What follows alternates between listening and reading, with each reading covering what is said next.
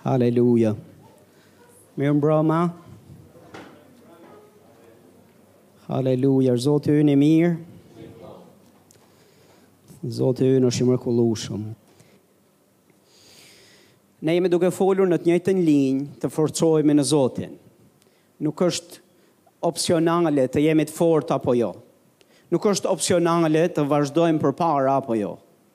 Nuk është opsionale për ne të rrimë në praninë e Zotit apo jo. Nuk është opsionale për ne të dëgjojmë me vëmendje ligjin e Zotit dhe fjalën e Tij apo jo. Nuk është opsionale për ne kjo gjë, për ne kjo është jetike. Ne nuk mund të jetojmë pa praninë e Tij, ne nuk mund të jetojmë pa zërin e Tij, ne nuk mund të jetojmë pa Fjalën e Tij, ne nuk mundemi t'ia dalim pa forcën dhe fuqinë e Tij. Efesianët gjashtë, vargu dhjetë, thotë forcohuni në Zotin dhe në forcën e fuqisë së Tij. Dhe thotë për çfarë mbetet. Dhe ju kam thënë, kur thotë për çfarë mbetet, nuk është se s'kishte mbet gjë tjetër pa folur, kështu që ta shtojmë edhe një gjë, që të shtojmë ca rrjeshta në Bibël. po është duke folë për rëndësinë dhe peshën e të të qenit i fortë në Zotin dhe në forcën e fuqisë së tij. Kur forca dhe fuqia e tij të prekin ty, në frymën tënde, kur forca dhe fuqia e tij do të vërshojnë në zemrën tonë e në ne, ne do bëhemi të fortë në Zotin. Do të do të vrapojmë pa u lodhur, do të ecim pa u lodhur, Do të ngrihemi me krahë si shqiponja dhe do jemi duke operuar në një realitet komplet tjetër. Fjala e Zotit thotë që ne jemi ulur në vendet qiellore në Krishtin Jezus. Mbi çdo principat, pushtet, fuqi e zotëri, mbi çdo gjë mbi të cilën Jezusi është, ne jemi ulur atje dhe ne jemi bashkë me Krishtin të fshehur në të. Dhe është anormale që ne të jetojmë këtu poshtë principatave, pushteteve, fuqive, frymave të mbrapshta, rrethanave të jetës. Ne jemi lindur për fitore. Në ADN-në tonë është fitorja, çdo gjë që është lindur nga Perëndia e mposht botën dhe ky është besimi ynë. Kur ne u shpëtuam, ne nuk u lamë që të jetojmë në ulësi, po na ngriti n'lartësi dhe na bëri t'ulemi n'vendet qiellore bashkë me Krishtin Jezus. Dhe është në zgjedhjen tonë, njerëz t'Zotit, që të jetojmë jetën tonë t'besimit nga kjo pozitë, nga kjo pozitë, dhe kjo është thirrja e Zotit, dhe që ne t'jetojmë nga kjo pozitë, duhet t'jemi t'fortë frymërisht. Duhet të jemi të fortë, jo të dobët, jo të mpakur, jo të lodhur, jo të mundur. Sepse lodhja e mundimi na ngadalësojnë, lodhja dhe mundimi na bëjnë që të bëjmë hapa mbrapa dhe shkrimin e pamë që na thotë që shpirti i Zotit, fryma e Zotit nuk gjen kënaqësi me tërheqjen mbrapa. Sepse tërheqja mbrapa është për humbje. Dhe shumë herë njerëzit e Zotit thonë, Zoti duket sikur është i ashpër që na të kërkon të jemi të fortë në Zotin, na kërkon që ne të vazhdojmë përpara, që na kërkon që të mos tërhiqemi mbrapa, kur na thot që shpirti im nuk gjen nuk gjen kënaqësi. Ai na duket gju. Po Zoti nuk është i ashpër, Zoti nuk do humbjen tonë. Zoti nuk do që ne të jetojmë më poshtë asaj jete që ai ka për ne.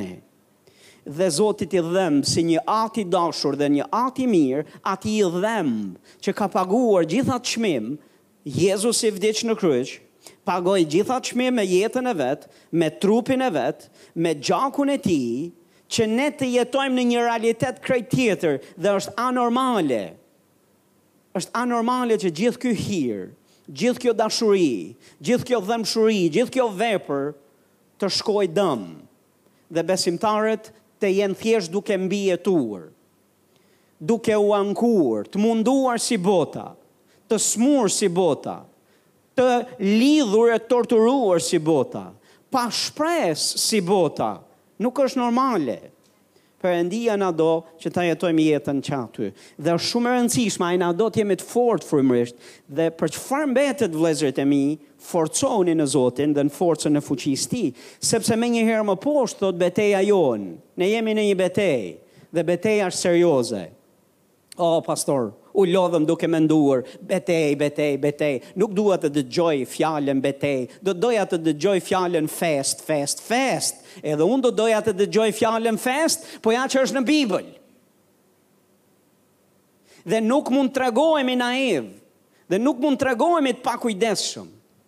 dhe nuk mund të tregohemi të marrë në stilin e llojin e jetës që bëjmë, sepse i njëjti shkrim që kërkon festën e gëzimin tonë, na paralajmëron që të mos i lëmë vend djallit, na paralajmëron që ne jemi në një betejë të ashpër frymore, që mund të jesh duke bërë çdo gjë që ti di, edhe përsëri ta gjesh veten me pikëpyetje çfarë të bëj Zot se bëra gjithë gjërat që di, Çfarë duhet bëj dhe Zoti thotë qëndro, rri në kambë.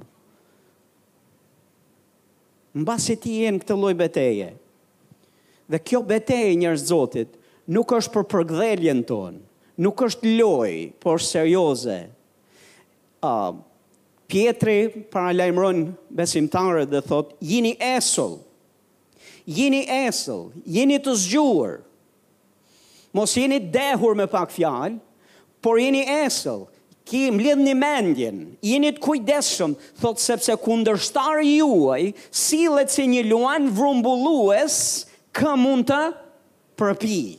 E kam parë me kujdes fjalën përpijë, fjala përpijë është një fjalë serioze. Fjala përpi u përpoqa boll të gjej naj version mos thotë përgdhelje, po nuk kam gjetë asnjë version që thotë se kundërshtari juaj do t'ju përkdhelë. Tani kam dëgjuar shërbys të cilët thonë djallit ia ka thy Jezusi dhëmbët dhe djalli është pa dhëmbë, kështu që mos u shqetësoni. Ai veç ka një gojë të madhe që e hap edhe në fakt Bibla thotë sillet si një luan. Por ai nuk është një luan i vërtetë. Me tjera fjalë, të biesh në duart e një luani të vërtetë, do të ishte kënaqësi. Në krahasim me të ranit në dorën e këtij, që është si luan vrumbullues. Dhe po Jezusi ia ka thyer dhambët, dhe po Jezusi e ka mposhtur atë, Po kur besimtari shkon tregohet i dobët frymërisht dhe loz në territorin e tij dhe tregohet dhe thyen ligjet e fjalës Zotit sa del nga streha e tij me vullnetin e zgjedhjen dhe kokëfortësinë dhe zemërngurtësinë e qafëfortësinë e vet atëherë do ta gjejë veten përballë një realiteti i cili nuk do të jetë aspak i këndshëm. Sepse djalli vjen për të vjedhur, tha Jezusi, për të shkatërruar dhe për të vrarë. Ai është mjeshtër i të bërit këtyre tre gjërave. Dhe këto tre gjëra nuk janë lojëra njerëz Zotit. Këto tre gjëra janë serioze. Zoti të ka dhënë gjëra ty, i ligu do t'i shkatërrojë, i ligu do të t'i vjedhë, i ligu do të dëshiron të të vrasë gjërat që ke bashkë me edhe ty bashkë me to.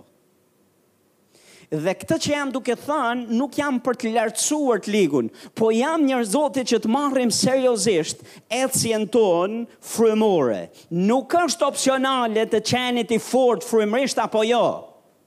Ne duhet jemi të forcohemi në Zotin dhe në forcën e fuqisë së Tij. Në fakt, Pali është duke i folë kishës dhe është duke i folë në formë urdhërore. Të njëjtën gjë i thot i thot Timoteut, biri im. I flet si një at. Biri im thot forcohu në hirin që është në Jezus Krishtin. Tek e dyta e Timoteut apo e para Timoteut, e dyta e Timoteut kapitulli 2 vargu 1. Hiri është i barazvlefshëm me forcën dhe fuqinë e Zotit. Që ne t'ia dalim në jetë, që ne të përmbushim vullnetin e Zotit, që ne t'i kemi pëlqyer Perëndisë deri në fund, ne kemi nevojë për hir, ne kemi nevojë për këtë forcën e fuqisë së Tij, ne kemi nevojë të jemi të fortë dhe s'ia dalim dot pa të. Isaia 40 vargu 29 deri në 31 na tregojnë se si mund të kemi akses tek forca dhe fuqia e Zotit. Si mund të forcohemi në Zotin? Çfarë mund të bëjmë ne për t'u forcuar në Zotin? Ai thotë i jep forcë të lodhurit dhe rrit fuqinë e të këputurit. Dikush thotë lavdi Zotit. Domethënë do ishte krejt një gjë tjetër në qoftë se ky shkrim do të thoshte ai që është ai që është i lodhur, Zoti ja heq edhe atë edhe atë pak forcë që ka. Dhe ai që është i kputur, Zoti e lë të shkojë. Po Zoti është i mirë. Është i dashur, është i dhembshur. Ai na do të fortë dhe nuk na do që të jemi në një stad të tillë. Po në qoftë se e ka gjetë dikush veten frymërisht dhe është i ndershëm me Zotin, është i ndershëm me veten e vet dhe thotë pastor dhe thotë i thotë është duke folë, është duke qa në vetminë e vet dhe në ecjen e vet dhe e di që gjërat nuk janë ashtu siç kanë qenë dhe nuk janë ashtu siç duhet. Lajmi i mirë është që ti mund vraposh tek Zoti. Dhe Ai do të të japë forcë dhe do ta rrisë fuqinë. Vargu tridhjetë thotë, Të rinjtë mundohen dhe lodhen, të rinjtë e zgjedhur me siguri pengohen dhe rrëzohen. Perëndia është duke thënë, nëse dikujt i rren mendja se ja del me forcat e veta, do ta gjej veten të mundohet, do ta gjej veten të lodhet dhe do ta gjej veten të rrëzohet, madje edhe ai që mendon se është më i forti ndër ne të gjithë. Kur i referohet triut, këtë ka ndërmend. Që njeriu ka atë ecjen e vet nga nga foshnjë fëmijëri, shkoi u bë i ri, është në kulmin e, e forcave të veta. Edhe ai thotë do të rrëzohet. Sepse kjo jetë e besimit nuk mund të jetohet në forcat tona. Nuk mund të jetohet pa forcën dhe pa fuqinë e Zotit. Dhe vargu 31, që është edhe thirrja e Zotit për kishën e për njerëzit e tij, thotë por ata që shpresojnë te Zoti, një përkthim tjetër thotë ata të cilët Presin tek Zoti. Ata të cilët presin tek Zoti. Çfarë do të thotë në mënyrën më të thjeshtë të presësh tek Zoti? Pastor, a keni prit nonjëherë në radhë, diku? A keni prit nonjëherë për të pa nonjë gjë që ju pëlqen, për të taku dikë cilin ju e doni? Ju ka ndodhë nonjëherë të presë, me qëra fjala nëse i ka ndodhë, kujt shqiptarëve i ka ndodhë plot. Na ka ndodhur të presim. Të presim edhe të detyruar, po ka plot raste kur ne kemi pritur me dëshirë të madhe për dikë. Edhe është shumë e çuditshme. Në qoftë se ka qenë diçka që ne kemi dashur fort, nuk e kemi pas problem vonesën. Nuk e kemi pas problem, as nuk kemi thënë, erdhe me vonesë, jam i mërzitur se erdhe me vonesë. Përkundrazi, s'ka zemër, s'ka asnjë problem. Në qoftë se është zemër. Pritje, të presësh në Zotin, do të thotë të marrësh kohë serioze. T'i bësh llogaritë e tua, dhe të marrësh një vendim serioz, që unë nuk do të heq dorë, unë do bëj gjithçka që është në dorën time, në mënyrë që të pres Derisa të më shfaqet Zoti, derisa të më vijë ndihma, derisa të më vijë forca, derisa të më vijë fuqia nga Zoti, dhe do bëj gjithçka që ai më kërkon gjatë kohës së pritjes time, që t'i lë hapësirë atij që të më forcojë. A ishte e thjeshtë? Do t'i jap atij kohë do t'i jap atij gjithçka që është në dorën time dhe gjithçka që ai më kërkon në fjalën e vet në këtë kohë pritje, e cila mund të jetë një ditë, mund të jetë dy, mund të jetë tre, mund të jetë katër, mund të jetë një javë, mund të jetë dy javë, mund të jetë Shumë më tepër se sa aq për dikë. Dhe unë besoj për dikë të cilit i është i ka mbaru bateria ka ca kohë, është si puna e atij celularit që ju fola herës së fundit, që ti e fut në karikim dhe nuk jep asnjë shenjë jete, gati, gati t'jep idenë sikur o s'ka drita, o nuk funksionon, Kabulli ose karikusi, në fakt karikusi është në rregull dhe mund të ketë drita. Problemi është se është tha bateria aq shumë sa duhet t'i lesh pak kohë derisa të fillojë të japë ndonjë sinjal që është duke marrë energji, është duke marrë forcë. Është duke u karikuar dhe pastaj duhet lënë që të karikohet deri në maksimum, në mënyrë që të jetë në potencialin e vet të plotë. Dhe disa, për disa prej nesh do të dojë kohë. Pastor, kam shumë gjëra për të, për të thënë sot. E me hir nga Zoti, do them aq sa mund të mbahem për sot. Por dy gjëra kemi qenë duke folur që janë me shumë peshë në këtë kohën tonë të pritjes përpara Zotit. Një prej tyre është lutja. Jo lutje sipërfaqësore, po lutje me gjithë zemër, lutje me këmbëngulje, lutje intensive, lutje e vazhdueshme, lutje me gjithë zemër, lutje e vërtetë. Kush më kërkon me gjithë zemër, thotë Jeremia, në emrin e Zotit, Jeremia 29, thotë kush më kërkon me gjithë zemër, unë do t'i shfaqem, dhe thotë po, unë do të bëj që t'i shfaqem, unë do të bëj që ai të më gjejë. Amen. Dhe Zoti shikon. Dhe shikon kur dikush është serioz. Kur dikush ka e ka vendosur dhe ka dhe dhe, dhe do të shkojë në lutje. Me këtë këmbëngulje, Zot nuk jetoj dot pa praninë tënde, nuk jetoj dot pa zërin tënd, nuk jetoj dot në këtë gjendje mefshtësie e dobësie në të cilën jam. Kam nevojë për ty dhe nuk do të tërhiqem derisa ti të çohesh dhe të më japësh forcë. Derisa ti të ngrihesh dhe të më forcosh përsëri, unë nuk do pushoj së kërkuari ty. E di Hebrenjve kapitulli 11 vargu 6 a 5 qoftë në varësi çfarë versioni kemi, po do jua kujtoj thotë. Dhe pa besim është e pamundur që t'i pëlqesh Zotit. Ai që i afrohet Perëndisë duhet të besojë se ai është. Dhe se është shpërblyesi i të gjithë atyre që e kërkojnë atë. Kështu e kemi në Biblën në versionin shqip. Po më lini t'ju them disa gjëra, ta shohim në një këndvështrim tjetër këtë shkrim. Sa prej jush doni t'i pëlqeni Zotit? Në rregull, alternativa dhe rruga e, pëlq, e një jete të pëlqyer para tij është te ky varg shumë i dukshëm. Sigurisht që është besimi. Po besimi për çfarë? Besim aktiv, për çfarë?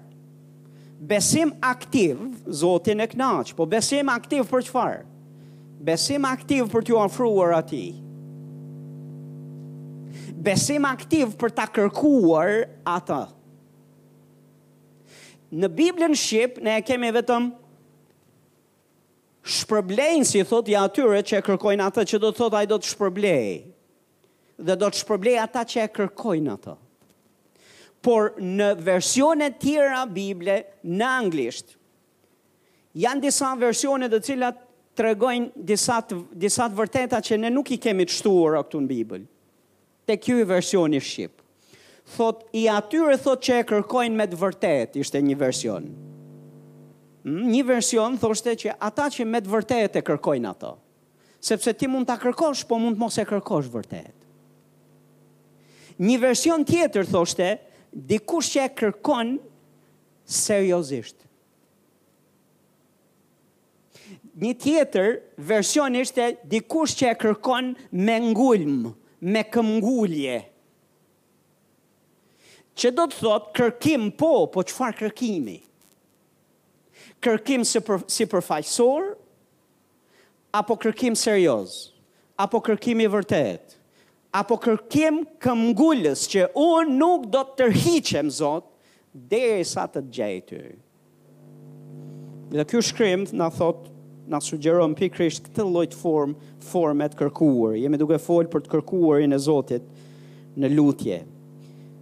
Osea kapitulli 6 vargu pjesa e parë e vargut 1 Thotë le të kthehemi tek Zoti. Pastaj vargu 3 thotë a e njohim Zotin? Të përpiqemi, le të themi bashkë të përpiqemi. Thotë të përpiqemi ta njohim më mirë. Domethënë, në qoftë se e njohim, çfarë thotë duhet të bëjmë? Duhet të mjaftohemi me atë njohje? Thotë tjetër gjë, thotë duhet të përpiqemi, ta njohim edhe ma mirë. Thotë dhe thotë, ardhja e tij është e sigurt si agimi. Ai do të na vijë, thotë si shiu, si shiu i fundit dhe i parë mbi tokë. Ka gjërat, ka pasuri te këto vargjet mbrapa. është duke thanë, dikush që përpiqet, Ta njohë Zotin. Dikush që paguan çmimin. Dikush që vërtet do ta njohë Zotin. Dikush që e kërkon vërtet me gjithë zemër dhe me ngul, me këmbëngulje për ta njoftë Zotin. Ma mirë E bën Zotin të bëjë një gja. Do të vijë e sigurt. Gjoja e parë, kur sheh që dikush ka këtë lloj forme kërkimi, e sigurt thotë është që pritja jonë nuk do të shkojë dëm. Që pritja jonë nuk do të shkojë pa rezultat dhe pa fryt. Por thotë është e sigurt thotë Osea që ardhja e tij Që do të thotë, është e sigurt që ai do të hyjë në skenë. Është e sigurt që do të vijë. Dhe si thotë, do të vijë si agimi. Çfarë bën agimi njerëz të Zotit? Çfarë pse e krahason ardhjen e tij me ardhjen e agimit? Ardhja e agimit simbolizon ndryshimin. Dhe simbolizon që jemi duke kalu nga errësira në dritë. A është agimi ai që e bën këtë ndryshim? Tani agimi është vjehrri im. Dhe unë e përshëndes nëse është duke më dëgjuar.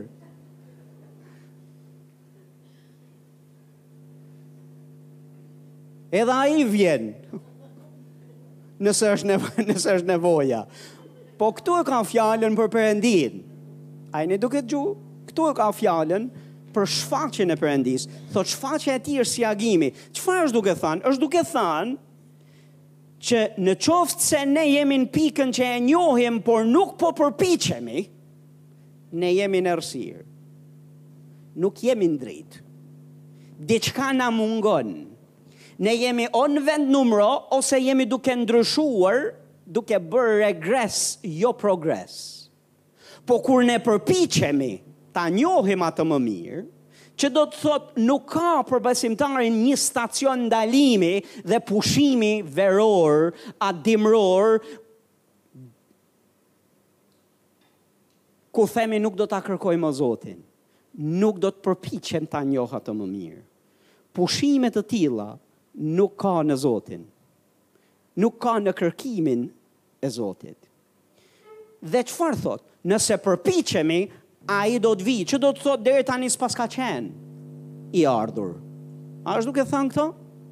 Por do të vijë momentin që sheh që ti përpiqesh. Momentin që ai sheh që je serioz. Momentin që ai sheh që ti ke arsye dhe ti je këmbgulës me të vërtetë, me gjithë zemër, ti do shfaqjen e tij, e do shfaqjen e tij, ai do të shfaqet, dhe kur ai do të vijë, do të sjellë dritë. Ai do të, do të thotë, deri këtu, Këtu, kjo është dita. Kjo është koha. Deri këtu ke qenë i dobët. Tani do të jesh i fortë. Deri këtu nuk ke ditur dhe nuk ke kuptuar rrugën nëpër cilin duhet të ecësh nga këtu e tutje.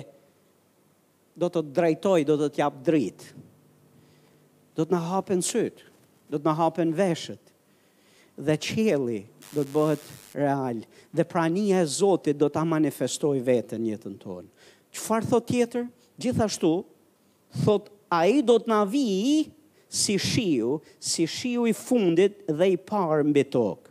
Shiu dhe shiu i parë e shiu i fundit, po të, po të flasim për këto, kjo është në vetvete mesazh. për farën e mbjellë.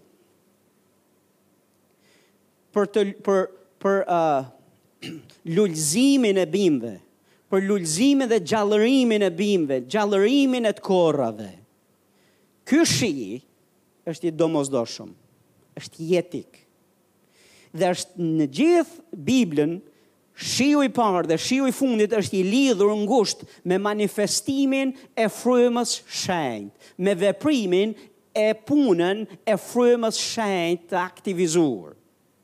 Ti e shikon këtë nga fillimi i Biblës deri në fund, ti e shikon që ky shiu për cilin flitet këtu, është duke folë për këtë. Flet dhe për një aspekt tjetër, flet dhe për mbarësi dhe prosperitet financiar. por flet dhe për këtë anë. Dhe njerëz të Zotit, ai thotë do të vijë si shiu, që do të bëjë, që do të thotë? Do të bëjë që ato fara që janë mbjellë në ty të lulëzojnë. Do të bëjë që jeta jonë frymore të lulëzojë. Do të bëjë që ne të forcohemi, do të bëjë që ne të shpërthejmë në fruta. Shiu i parë dhe shiu i fundit janë jetikë për të mbjellat dhe për të korrën. Kur mbillet fara duhet shiu i parë, sepse e bën që ajo farë të fillojë dhe të çelë sythin e vet dhe të fillojë zhvillimin. Në fund, para të korrave, Është edhe një shi i domosdoshëm për të korrën, sepse kur bie ky shi e bën që ai fruti të piqet, fruti të jetë i bollshëm, të jetë i shëndetshëm. Të dy këto shira janë të domosdoshme, ishin të domosdoshme dhe jetikë. Kur i mungonin Izraelit, Izraeli ishte në zi buke. Kur në ato kohërat e hershme, kujtdo populli që i mungonin këto, do të thoshte s'ka të korra, do të thotë që do ketë probleme ekonomike në vend. Kështu që ishte jetike shiu i parë dhe shiu i fundit. Për ne është jetike shfaqja e Frymës së Zotit, puna e vep dhe vepra e Frymës së Zotit në ne. Ndikimi i këtij shiut të Zotit, ndikimi i shiut të Zotit. Dhe Ai premton dhe thotë, Ai do të na vijë. Nuk thotë ndoshta, por thotë do të vijë. Do të vijë për kë?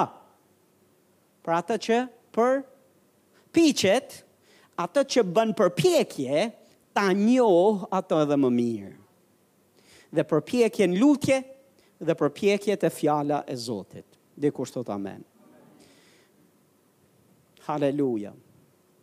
Bukën tonë të përditshme, tha Jezusi, Kur të luteni, lutuni kështu, Bukën tonë të përditshme, o Atë, na jep sot.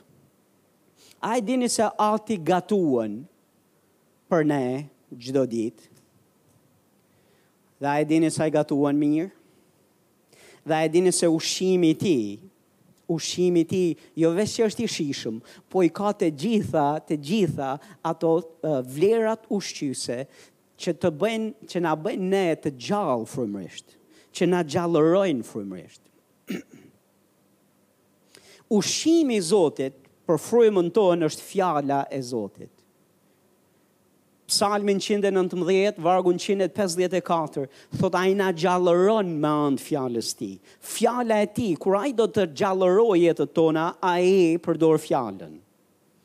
Ai na flet, ai hap gojën dhe flet. Në Testamentin e Vjetër është një rast ku flitet për profetin Elia. Dhe profeti Elia, mbas fitores madhështore në malin Karmel, ku ai u lut dhe zjarr erdhi nga qielli, dhe gjithë ajo fitore se populli i Izraelit erdhi tek Zoti, braktisi Baalin, braktisi, i braktisi të gjitha uh,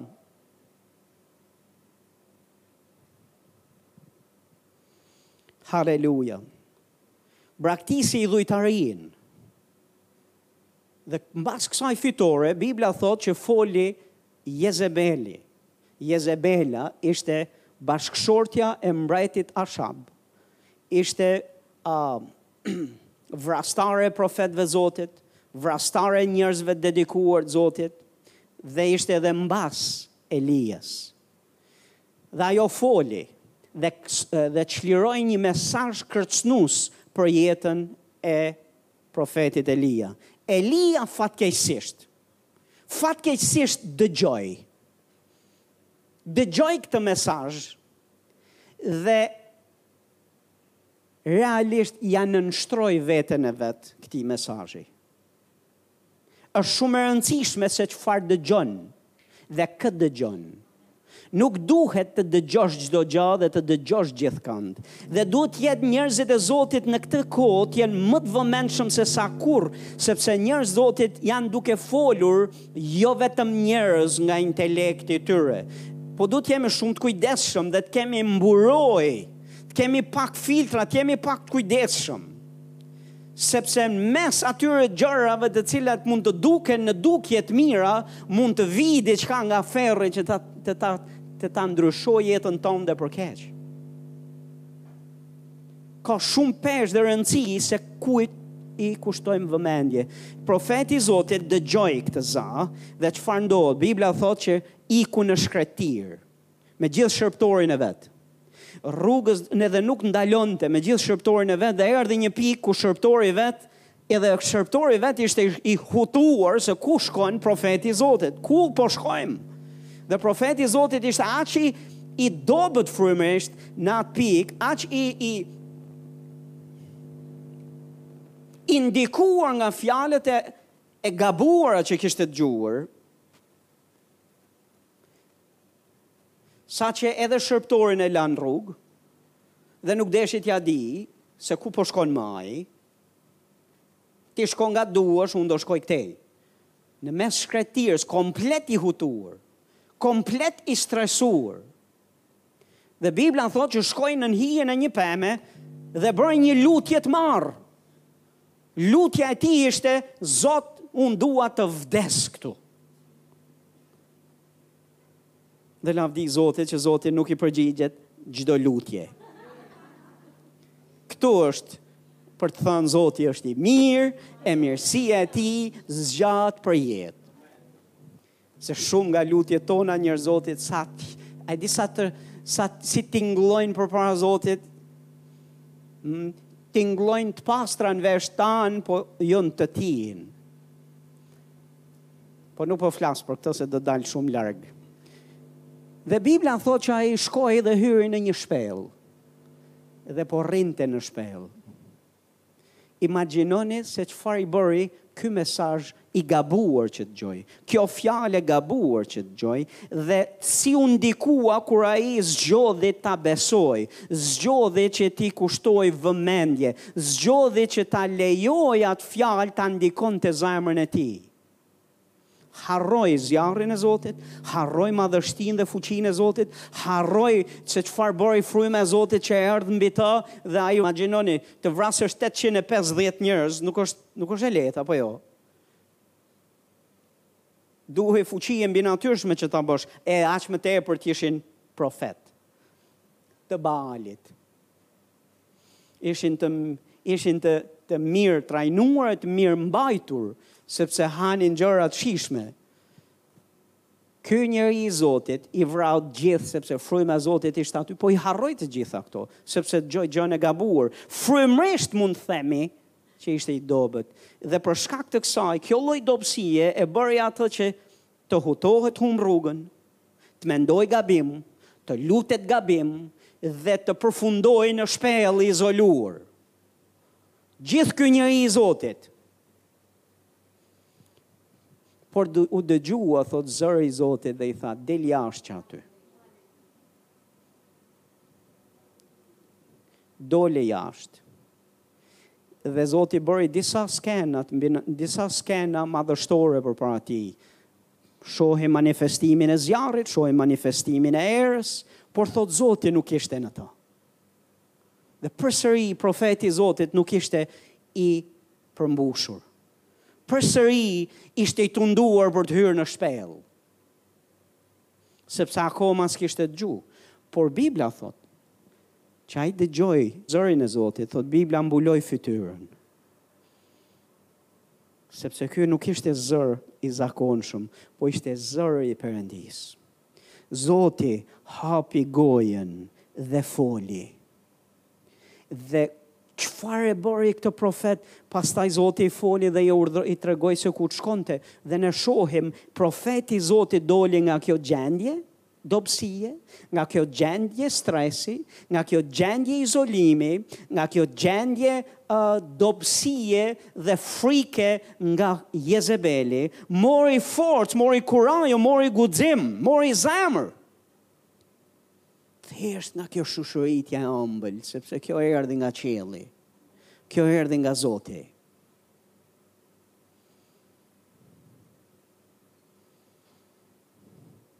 Dhe që aty ai u restauru në shërbesë dhe filloi të bëjë gjëra që Zoti e kishte thirr. Haleluja Qengjit Zotit. Një fjalë nga Zoti. Një shushuritje e ëmbël po që vjen nga nga Zoti. Haleluja. E jeta jonë ndryshon. E jeta jonë s'është kurrë më e njëjtë. Po a e kërkon? A përpiqesh? A e don vërtet? A e vlerëson ta kesh? Zoti do të hapë gojën e vet dhe do të flasë. Me anë të fjalës së tij ai do të na gjallërojë. Dikush thotë amen. Ai do të na gjallërojë me anë të fjalës së tij. Oh, haleluja. Zoti i mirë, a jeni duke u beku. Më lini se dua të ndaj disa gjëra, të cilat e pengojnë frymën e Zotit dhe pengojnë Zotin që të japë kuptim fjalës, e pengojnë atë të flasë. Janë nja ca gjëra të cilat do t'i ndaj me hir nga Zoti, që të keni durim për t'i dëgju. Proverbat kapitulli 1. A mund shkoni te Proverbat 1? Proverbat kapitulli 1,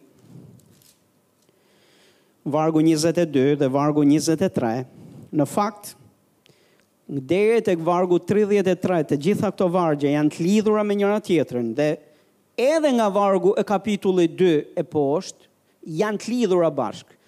Sa prej jush e dini që kapitujt dhe vargjet nuk kanë qenë të frymëzuara nga fryma e shenjtë. A e dini këto? Janë për lehtësim studimi, janë frymëzuar nga njerëz të urtë, janë shumë bekim, po nëse nuk e di këtë pjesën që fola unë dhe ti i ndan gabim, këto mund të mund të mos jenë më ndihmë. Dhe nuk janë të ndara, janë bashkë. Dhe po e nisim nga ajo që fola radhës fundit te kapitulli dy një fillimisht, Biri im, në rast se i pranon fjalët e mia dhe i quan thesar urdhërimet e mia, duke i vënë veshin diturisë dhe duke e prirë zemrën ndaj arsyes, po, thotë, në rast se kërkon me ngulm gjykimin dhe e ngre zërin për të siguruar mirëkuptim, në rast se e kërkon si argjendin dhe fillon të rrëmosh për të si një thesar të fshehur, atëherë do ta ndjesh frikën e Zotit Dhe ke për të gjetur kuptimin e Perëndisë, sepse Zoti jep diturinë nga goja e Tij, rrjedhin njohuria dhe arsyeja. Me pak fjalë Zoti do ta hap gojën dhe do të flas. Dhe do të jap dituri, do të jap arsye, një arsyetim të shëndosh. Dhe thot ai mban rezervë për njerëzit e drejtë, një ndihmë të fuqishme, një mburojë për ata që ecin me ndershmëri. Po e lëmë këtu. Tani ne e lexuam dhe duket si thirrje dhe është thirrje në fakt për çdo bir. Për dy gjëra.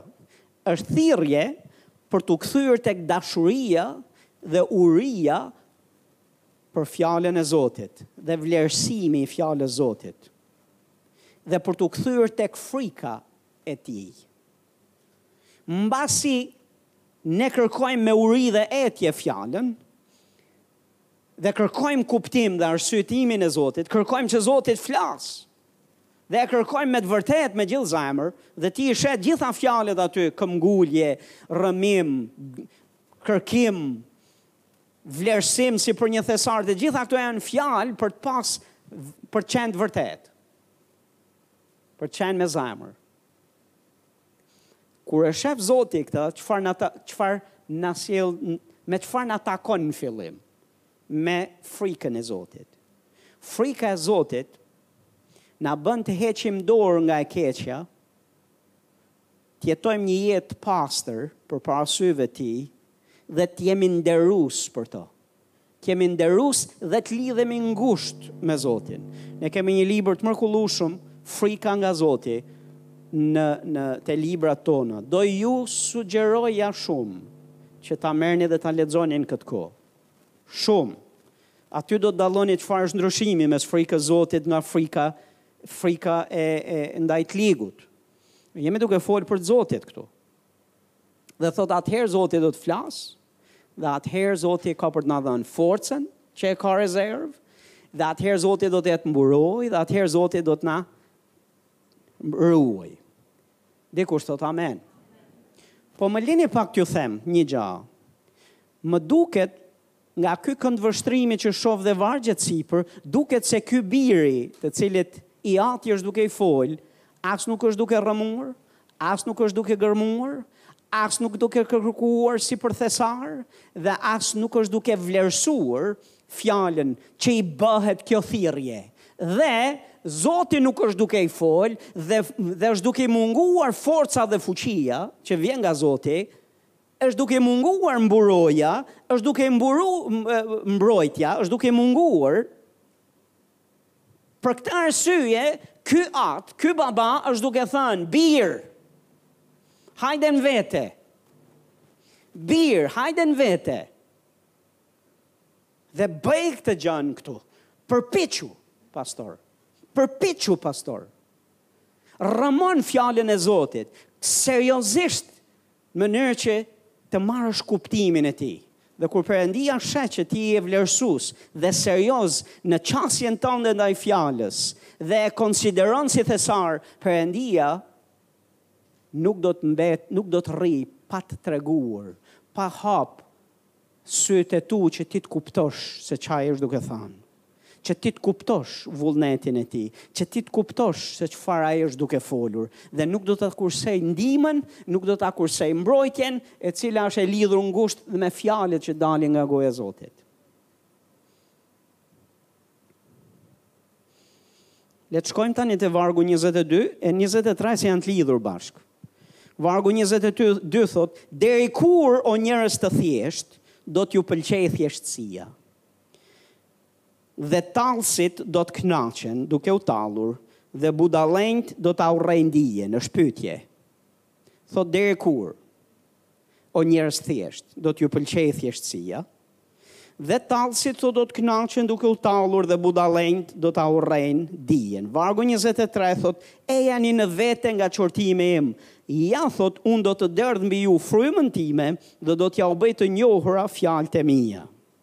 Nëse sheh vargjet më poshtë, flet për pasojat që do të ketë për dikë që sillet dhe që ka zgjedhë t'i pëlqejë thjeshtësia, që ka zgjedhë talljen dhe që ka zgjedhë budallëkun por vargu tridhjetë e tre thotë ai që më dëgjon do të banojë në një vend të sigurt do të jetë me të vërtetë i qetë pa frikë nga çfarëdo gjëje të keqe qëllimi i Perëndisë është për të na sjellë për të sjellë në vete fëmijët e tij. për të sjellë në vete bijtë e vet. Ne jemi bijtë e tij apo jo? Për t'i sjellë në vete për çfarë? Për të bërë këtë të mirën që ka ndërmend tek vargu 33. Shumë tmerrohen kur dëgjojnë se çfarë do t'i ndodhë, domethënë atyre të cilët përbuzin fjalën e tij te vargjet më sipër. Po në fakt qëllimi, gjithë theksi i këtij mesazhi është, është Perëndia do të na bëjë mirë. Po nuk mund të na bëjë dot mirë. Ai do të na bëjë mirë me anë do të na bëjë mirë dhe çfarë? Çfarë të mire? Të na japë prej frymës tij. Dhe të na i bëjë të njohura fjalët e tij. Po që ai ta bëjë këtë, Fillimisht duhet të ndryshojë mënyrën e sjelljes dhe të menduarit tonë. Dhe i bën thirrje, thotë, të thjeshtit, atij që i pël... deri kur do të të pëlqejë thjeshtësia. Dhe deri kur thotë që tallësit të tallen dhe dhe uh, budallenjtë të urrejnë dijen. Dhe këtu dua t'ju flas për treshen. Për këtë treshen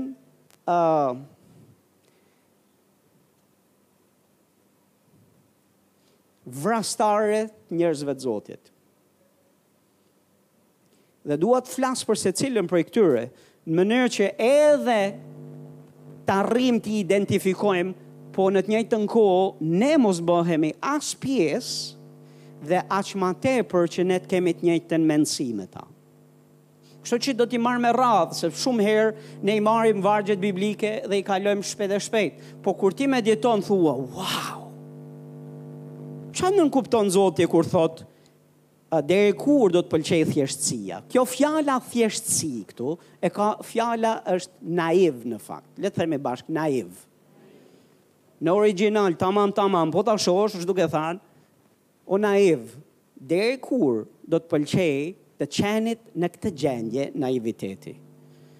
Dhe po mendoja, se nuk e mbaj mendjen, nuk e mbaj veten për shumë ditur, thashë do të studioj, do të kërkoj, do të shoh, çfarë do të thotë të jesh naiv? Dhe çfarë kam gjetë njerëz Zotit është shokuese. Kështu që më lini pak t'ja u them se çfarë flitet për të qenë naiv. A do më jepni pak kohë? Çfarë është naivi dhe çfarë thot Bibla për to?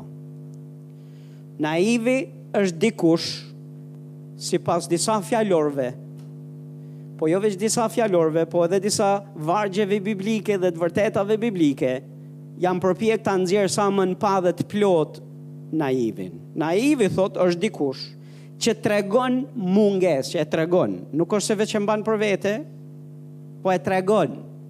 Çdo fjalë këtu është e rëndësishme. Është dikush që tregon mungesë eksperience, mungesë diturie dhe gjykimi të shëndosh. E tregon këtë gjallë. Edhe pse këto i mungojnë, naivi pretendon të kundërtën. Kjo është çka e bën më shokuese.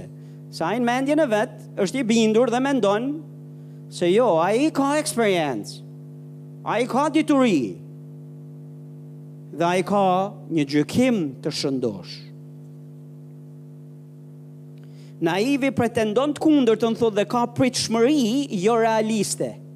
Pritshmëritë e tij janë që do të marrë shpërblimin e atij që tregon në fakt eksperiencë, dituri dhe një gjykim të shëndoshë. Domethënë naivi edhe i mungojnë, pretendon edhe është i bindur se nuk i mungojnë, nga krahu tjetër e tregon mosqenien me eksperiencë i ditur dhe uh, me një gjykim të shëndosh, por pretendimi i tij është se do të marrë të njëjtin shpërblim me atë që në fakt i ka gjitha këto në realitet. Pritjet e tij janë jo realiste. Naivi është i vetëmashtruar. A jeni duke dëgju? Dhe Zoti është duke thënë, deri kur do të na pëlqej? Deri kur do t'i pëlqej naivit të jetë në këtë gjendje? t'i mungojë me pak fjalë eksperienca, t'i mungojë gjykimi i shëndoshë dhe t'i mungojë dituria, dhe të sillet sikur i ka, të pretendojë sikur i ka dhe të ketë një pritshmëri se do të marrë shpërblimin e atij që në fakt i ka në realitet këto gjëra. Është i vetëmashtruar dhe fjala thotë që një naiv në këtë gjendje I bën rezistencë Frymës së Shenjtë. Dhe Fryma e Shenjtë nuk mundet t'i zbulojë fjalën atij, këtij individi, sepse ky lloj individi është i bindur se nuk ka nevojë. Dhe pritshmëritë e veta janë janë jorealiste. Këtyr, këtij individi i bën thirrje, i bën thirrje Zoti dhe i thotë, hajde në vete. Dhe unë do të të jap prej frymës time dhe do t'i bëj të njohura fjalët e mia. Me pak fjalë do të të ndihmoj. Do të të forcoj, do të të mbroj, do kujdesem për ty.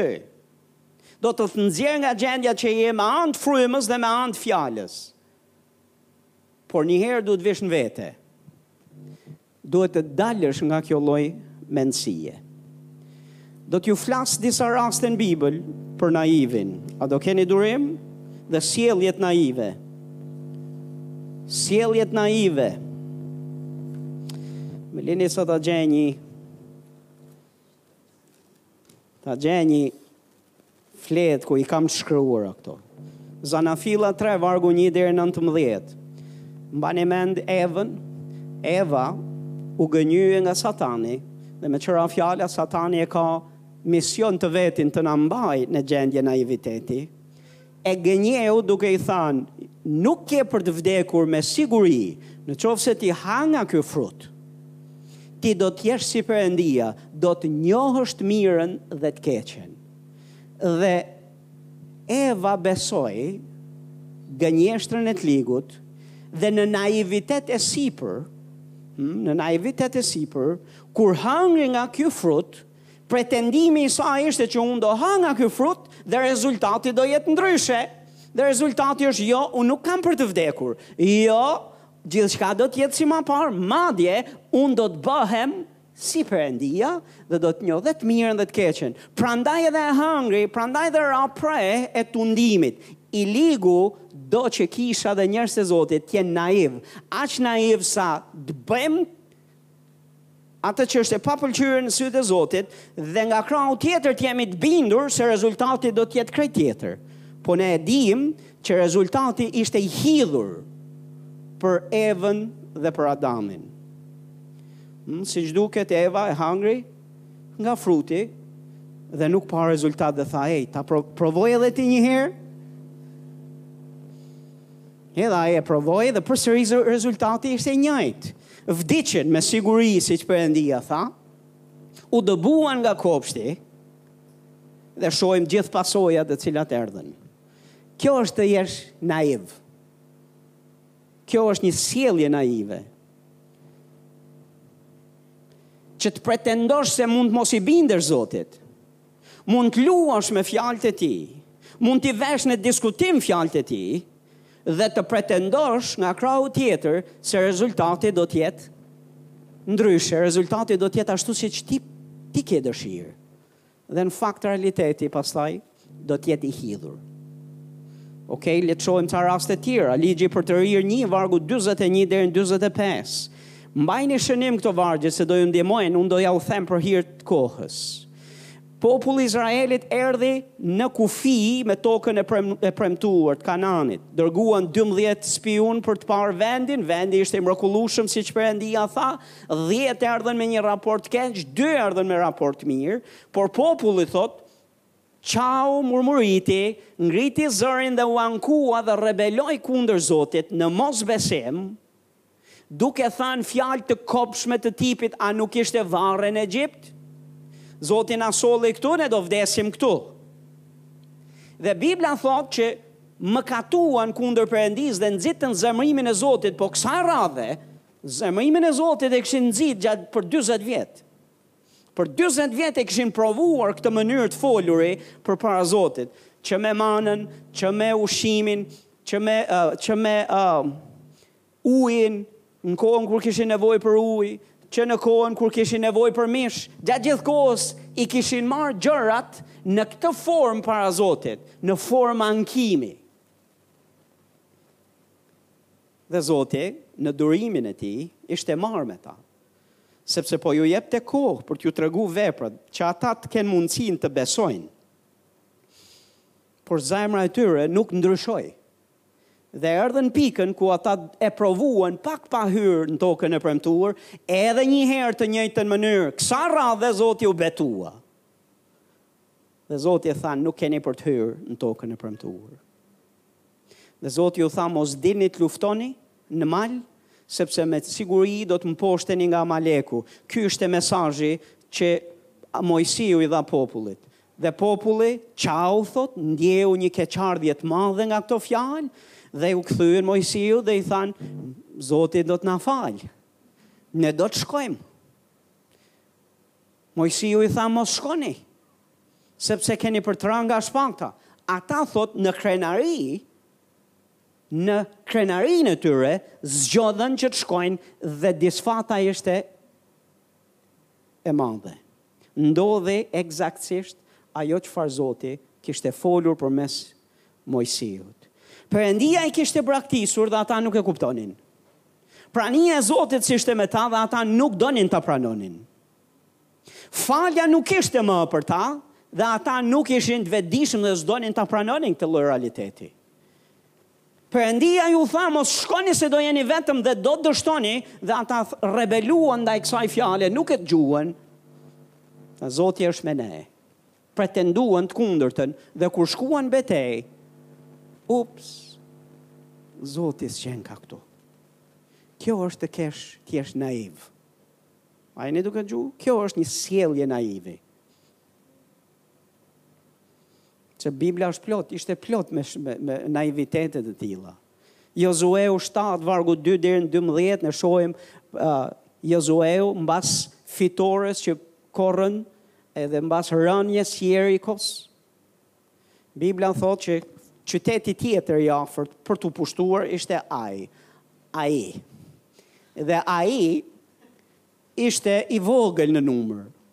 Nuk ta mbushte syrin. Ishte diçka, domethënë që erdhën ata që shkuan për të vëzhguar vendin dhe i thanë, shiko, mos u mundo, mos e mundo popullin, ne do shkojmë nja 3.000 veta, 3.000 burra atje dhe me siguri do ta marrim këtë vend për Zotin.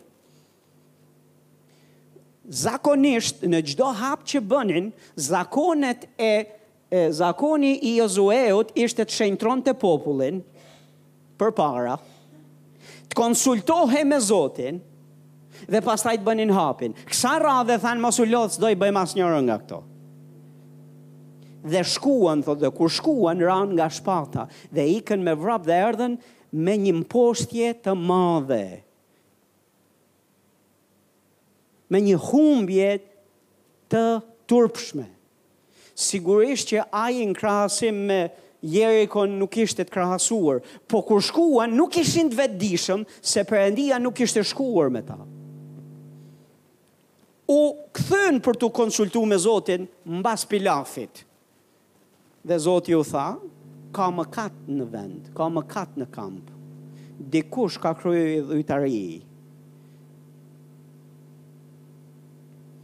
Kur u konsultuan me Zotin, Zoti u tha, Ju shkuat, por nuk u shenjtruat. Ju shkuat, por nuk shkuat me mua.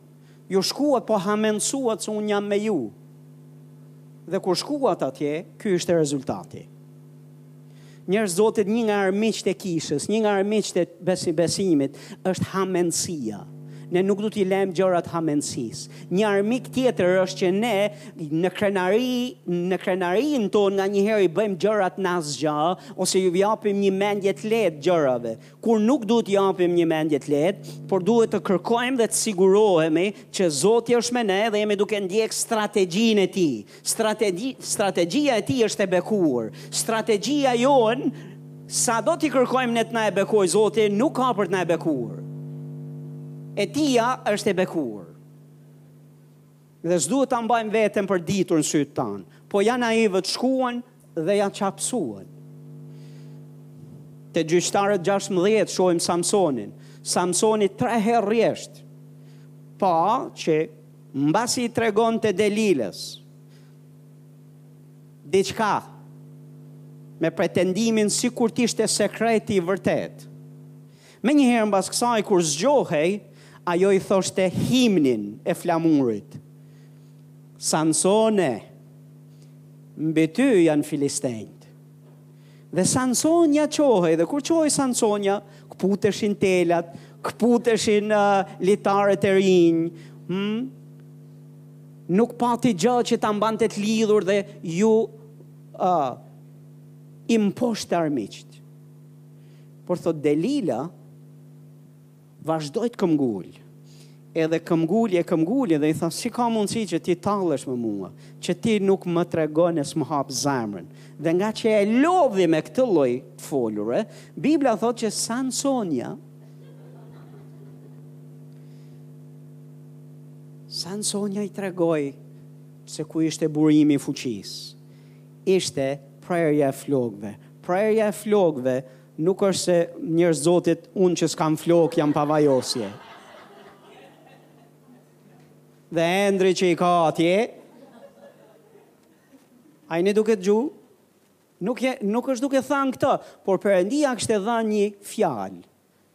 Një nazireo i Zotit s'duhet t'i priste flokët, sepse Zoti i kishte thanë. Tani më lini pak t'ju them një gja. Nëse Zoti të thotë mos e bëj një gja, mos e bëj dhe mos e ven në diskutim, të lutem. Pse Zoti është legalist? Ça është ky Zot që na ka thënë mos i pre flokët? Kur është moda t'i presim? Zoti është legalist. Pastori është pak fanatik se na mëson që të vishemi. Po, na mëson edhe që të kemi një mendje të shëndoshë.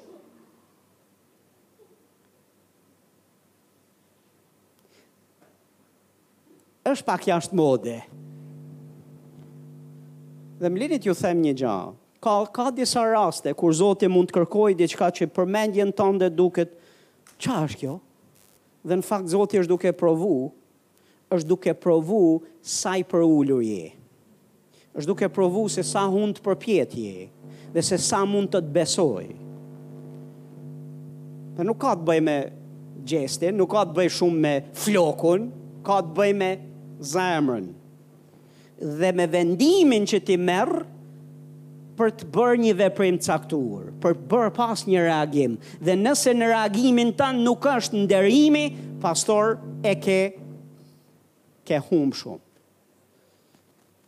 S'e ke kalu klasën e Zotit. Për të të besu. Gideoni mblodhi 30.000 burra, Zoti i tha ke shumë. Dhe ia hoqi këtej, e hoqi andej, e hoqi këtej, e hoqi andej. Dhe Zoti tha ça të bëj, hiqi tha edhe ca se ke shumë.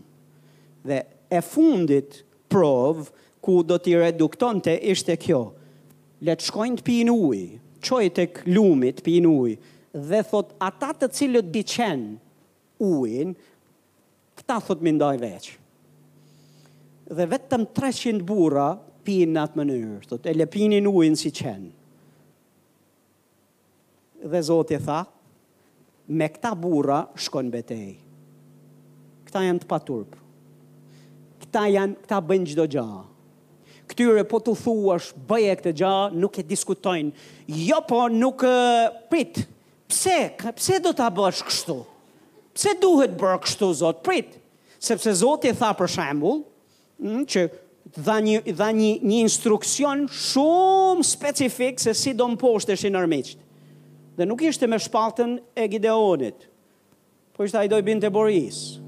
Dhe këta do kishin ca enë në dorë, të cilat do t'i thynin. Ku po shkojnë? Në luftë. Sa veta janë? Uuu, pa fund. Po ju? 300. Ça keni marrë me vete? Kena marrë bori, kemi marrë edhe, edhe enë prej balte. Po ça do bëni? Do zemë pozicione te kampi i tyre, në këtë formë dhe kur të na jap sinjal Gideoni, kur të bjerë boria, ne do i thymë këto enët. Wow! Sa logjike! Duhe besim njërë zotit, që të shkosh në luftë njëherë, ku je tu shku, jam tu shku në luftë, armë s'kam po, kam enë prej balte. Duhet besim, ti duhet, këta burra kishin besim, se Zoti ishte me ta, se Zoti do të luftonte për ta, se Zoti do të bënte që armiqtë të binin në duart e tyre, se Zoti do t'u jepte fitoren. Dhe ishin aq të bindur sa nuk donin t'ia dinin, thymë enë, t'i thymë, bërtasim, bërtasim. Do rrimë këtu, do rrimë këtu. Asnjërin prej tyre, asnjë prej treqindëve nuk e vuri në diskutim pse po rrimë këtu. Pse të rri unë këtu? Pse mos të rri unë atje? Pse të ulem unë te kjo karrigia këtu? E pse duhet të vishem kështu? E pse duhet të sillem kështu? Njerëz të Zotit, ne duhet të bëjmë gjithçka që i pëlqen Atij. Të gatshëm për të bërë çdo gjë, të gatshëm për të bërë çdo gjë. Dëgjomëni me vëmendje, Zoti e çon kishën larg për lavdinë e Tij kur kemi këtë qëndrim. Amen. Gjithsesi, shohim që Sansonja, a kthehemi te Sansonja prapa, po? Sansonja u zgjua dhe kur u zgjua, Pretendimi i tij ishte se prania e Zotit ishte me ta dhe nuk e dinte, thotë Bibla, se ai e kishte braktisë. Nuk e dinte se Zoti i kishte thanë, loze me mëkatin. Nuk është një herë, Samson. Samson e ke loz këtu, e ke loz atje, e ke loz këtu, e ke loz atje, e ke loz këtu, e ke loz atje, e ke loz këtu, e ke loz atje. Edhe pretendove në mendjen tënde se gjithçka do jetë në rregull. Ti mund ta shkelësh ligjin e Zotit, Fjalën e Zotit, ti mund të jetosh një jetë pa shenjtë, ti mund të mëkatosh se Zoti të fal prapë. Ha se Zoti të fal prapë. Njerëz të Zotit, ne duhet të kemi mendësinë, jo mëkat. Jo pastor, paga e mëkatit është vdekja, është naivitet të mëkatosh me idenë se ti je në Krishtin dhe je i falur dhe gjithë mëkatet e tua janë falur. E ça do me thanë kjo, që ti të mëkatosh dhe të pretendosh që s'ka pasoja? Pastor, kjo është naivitet. Kjo është të bësh gjën e gabuar dhe të mendosh se nuk do kesh, nuk do ketë pasoja. Mateu shtatë vargu njëzet e një deri njëzet e tre thotë jo gjithkush që më thërret Zot, Zot, Zot do të hyjë, thotë, në mbretërinë e qiejve. Por do të hyjë ai që kryen vullnetin e Atit që është në qiej. Ule më poshtë. Shumë do të më thonë atë ditë, o Zot, o Zot, nuk profetizuam ne në emrin tënd, a nuk i dëbuam demonët ne në emrin tënd, a nuk kemi bërë shumë vepra të fuqishme në emrin tënd? Përgjigja është po, po ule pak më poshtë. Thotë dhe atëherë unë do t'ju sqaroj atyre, do t'ja u jap këtë sqarim, thotë Zoti. Thotë unë s'ju kam njohur kur, largohuni nga unë ju të gjithë që keni bërë pa udhësi. Tani ka plot shërbys Zotit të cilët e kanë trajtu këto, këto vargje si të mistershme, si, si t'ja bëjmë, se janë të vështira për t'i përtypë. Unë nuk e kuptoj pse janë të mistershme dhe të vështira dhe që duhet patjetër për naj zbulesë kush e di se çfarë për ta kuptuar se çfarë është duke folë. Çfarë është duke ti ta t'jau sqaroj ça kuptoj unë. Thotë jo gjithkush që më thotë, që do të thotë ti mund t'i thuash Zotit Zot Zot. Haleluja, ndukje dukesh frymor. Në ndukje gjithçka është në rregull. Ti je duke i thënë, por në realitet je duke kryer paudhësi. Në qoftë se në realitet je duke kry paudhësi, që do të thotë nuk je duke bërë, nuk je duke lënë Jezusin të jetë Zot, po ti e quan Zot, por e quan Zot me fjalë dhe jo me vepra, sepse jeta jote me vepra është duke bërë të kundërtën e asaj që ai Zot thotë,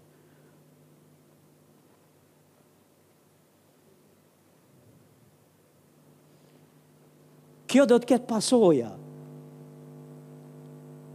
A jeni duke dëgju? Kjo do të ketë pasoja. Dhe do t'ju sqaroj, thotë, nuk ju kam njohur kurrë dhe thotë, largoni nga unë ju të gjithë që keni bërë çfarë? Çfarë është paudhësia, pastor?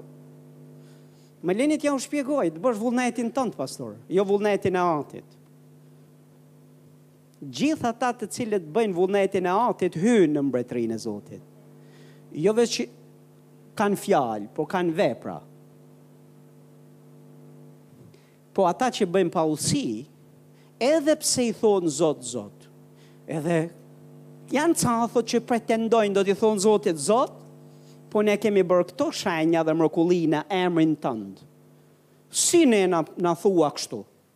Dhe Jezusi thotë do t'jua sqaroj naivëve, atyre të cilët tjetër gjë bëjnë dhe pretendimi i tyre është se do të kenë shpërblimin e atij që bën vullnetin e Atit. Dhe kanë pretendime se do të pranohen. Janë fjalë të forta njerëz të Zotit. Po çfarë na bëjnë ne këto fjalë? O, pastor, po, janë ca, ca pastorë të cilët shkojnë apo shërbyes që thonë, po është ajo fjala aty thotë që nuk ju kam njohur kurrë. Një, dëgjova një, mes, një, një shërbyes që, që thoshte për këtë nuk ju kam njohur kurrë e ka fjalën për njerëz jobesimtarë. Se Zoti s'i ka njohur, po kanë përdorur emrin e Jezusit dhe emri i Jezusit ka dhënë rezultat. Nuk e ka fjalën për ata. Nuk e ka fjalën. Po unë besoj që në qoftë se le shkrimin për të interpretu, Ti e kupton që shpëtimi mund humb. Është vështirë të humbasë, por mund humb. Dhe shpëtimi dhe gjykimi i Zotit është i fortë pikërisht për ata të cilët kanë operu në lavdinë e Zotit, që kanë operu në mrekulli, që kanë operu në shenja dhe çudira, që Zoti i ka përdorë dhe kanë bërë gjëra e vepra të mëdha, por që në një fazë, segment a moment të jetës tyre kanë zgjedhë që t'i thonë zotit veç zot zot me gojë po kanë ndaluar së bëri vullnetin e tij kanë ndaluar së ndjekuri dhe zbatuari atë çfarë është e udhës në sytë e tij çfarë duhet bëjnë këto vargje pastor nuk e di për ju po këto duhet na kthjellojnë këto duhet na shkundin se këto nuk janë dhanë nga Jezusi për dënim Këto janë dhanë për të na inkurajuar, për të na dhanë forcë. Janë shkruar, pastor, për paralajmërimin tonë, sepse Zoti nuk do që ne të hyjmë në realitetin e botës frymore, të jemi para Jezusit dhe të jemi tërë gëzim dhe pretendim që gjithçka është ok dhe Jezusi t'na thotë këto fjalë.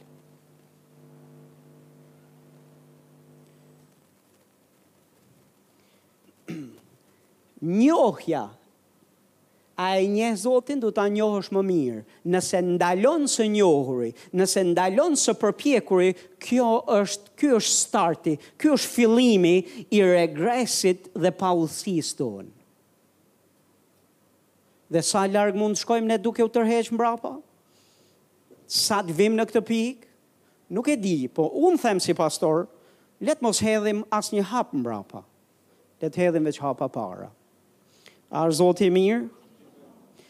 Te veprat 5 vargu 1 deri në 10, shikoni Ananian dhe Safirën. Anania dhe Safira në kishën e hershme prekën atë gjë çfarë ishte e shenjtë dhe menduan që do gënjejnë Perëndinë dhe njerëzit e Zotit.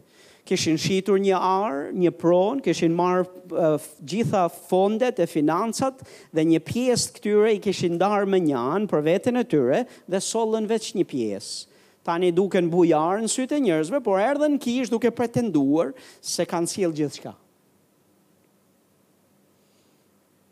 Dhe me këtë pretendim po gënjenin Frymën e Shenjtë dhe Perëndinë në kishën e Zotit, Dhe iu dha shansi dhe mundësia që të rrëfeheshin, por por ata pretenduan që jo, ne kemi sjellë të plotë të gjithën. Dhe të dy, thotë Bibla, vdiqën në kishën e Zotit dhe u deshën që bashkëpunëtorët t'i nxirrnin jashtë. Tani, meqë ra fjala, në kishën fjala e gjallë, bashkë, kryebashkëpunëtore është Pranvera, Pranvera i ka bërë ca, ka ca eksperiencë, ka punuar në burg. Jemi të mirë trajnuar për t'i nxjerrë njerëzit jashtë. Edhe në kushte të tilla. Por shife sa naive është që të gënjehesh, të përpiqesh, të përpiqesh të gënjesh atë që s'e gënjen kush. Që i sheh dhe i di gjitha gjërat. Aq ma tepër në mes të kishës e pranë Zotit, dhe Bibla thotë që pat pasoja. Pasojat ishin të rënda. Duhet të jetojmë një jetë të pastër e të shenjtë para Zotit. Një jetë të pastër dhe të shenjtë para Zotit. Amen. Haleluja. O, oh, haleluja. Paralajmëron paralajmëron pastorin që ka mbaru ora, thot pastorja, edhe unë po e mbyll këtu, dhe herës tjetër do jem duke folur akoma në të njëjtën linjë, do të flas për tallsin radhës që vjen. Dhe do të flas se çfarë Zoti fliste për tallsin se ishte gjë e jashtëzakonshme. Ju lutem mos e humbni. Ju lutem mos e humbni. Dhe do të jetë nga ato mesazhe që do të doja që mbasi ta kemi ezauru se çfarë thotë Bibla për tallsin, çfarë Bibla flet për talljen, çfarë është tallja në sytë e Zotit dhe si Bibla reagon dhe si e sheh Zoti këtë gjë. Do t'ju kërkoj një gjë, do t'ju kërkoj që nëpër Facebook-rat tuaj, dhe nëpër rrjetet sociale tuajat, t'i referoheni pak këtyre vargjeve dhe këtij realiteti dhe të shkruani diçka, të ndihmojmë pak ca vëllezër, të ndihmojmë pak ca njerëz, të cilët njerëz të Zotit, të cilët kanë dëshpërimisht nevojë për ndihmë se nuk e dinë se në çfarë shtegu janë duke ecë. Tani ne jemi në rregull këtu mrena kishës. Ne vetë jemi shumë në rregull me këtë me këtë situatë. Jemi te fol për tjerët. Prandaj ju bëra thirrje që që mos ta kem kishën bosh herës tjetër, ju thash, hajdeni se do të gjojmë për të tjerët. Hale, e sa bekim është që të flasim për tjerët? E keni vënë re, nuk ka as tension, nuk ka as shqetsim, Seç është një kënaqësi edhe kafja të shkon më mirë. Mm. Seç është një kënaqësi që të flasim për pastorë të tjerë, të flasim për besimtarë të tjerë, të flasim për kisha të tjera, të flasim për ca njerëz për cilët nuk është biznesi dhe puna jonë, flasim Po na shkon muhabeti. Dhe kur na maron kjo lloj muhabeti, themi a çohemi tani? Po të flasim po po të flasim për gjëra që na takojnë dhe janë drejtpërdrejt. Unë jam pastor dhe kam vite që ulem me njerëz. Jam ulë edhe me ju. Dhe kur ulem, kam ardhë me, shumë herë kam ardhë me mesazh dhe me një gjë në zemër për ta thënë, por nuk më kanë lënë që të flas.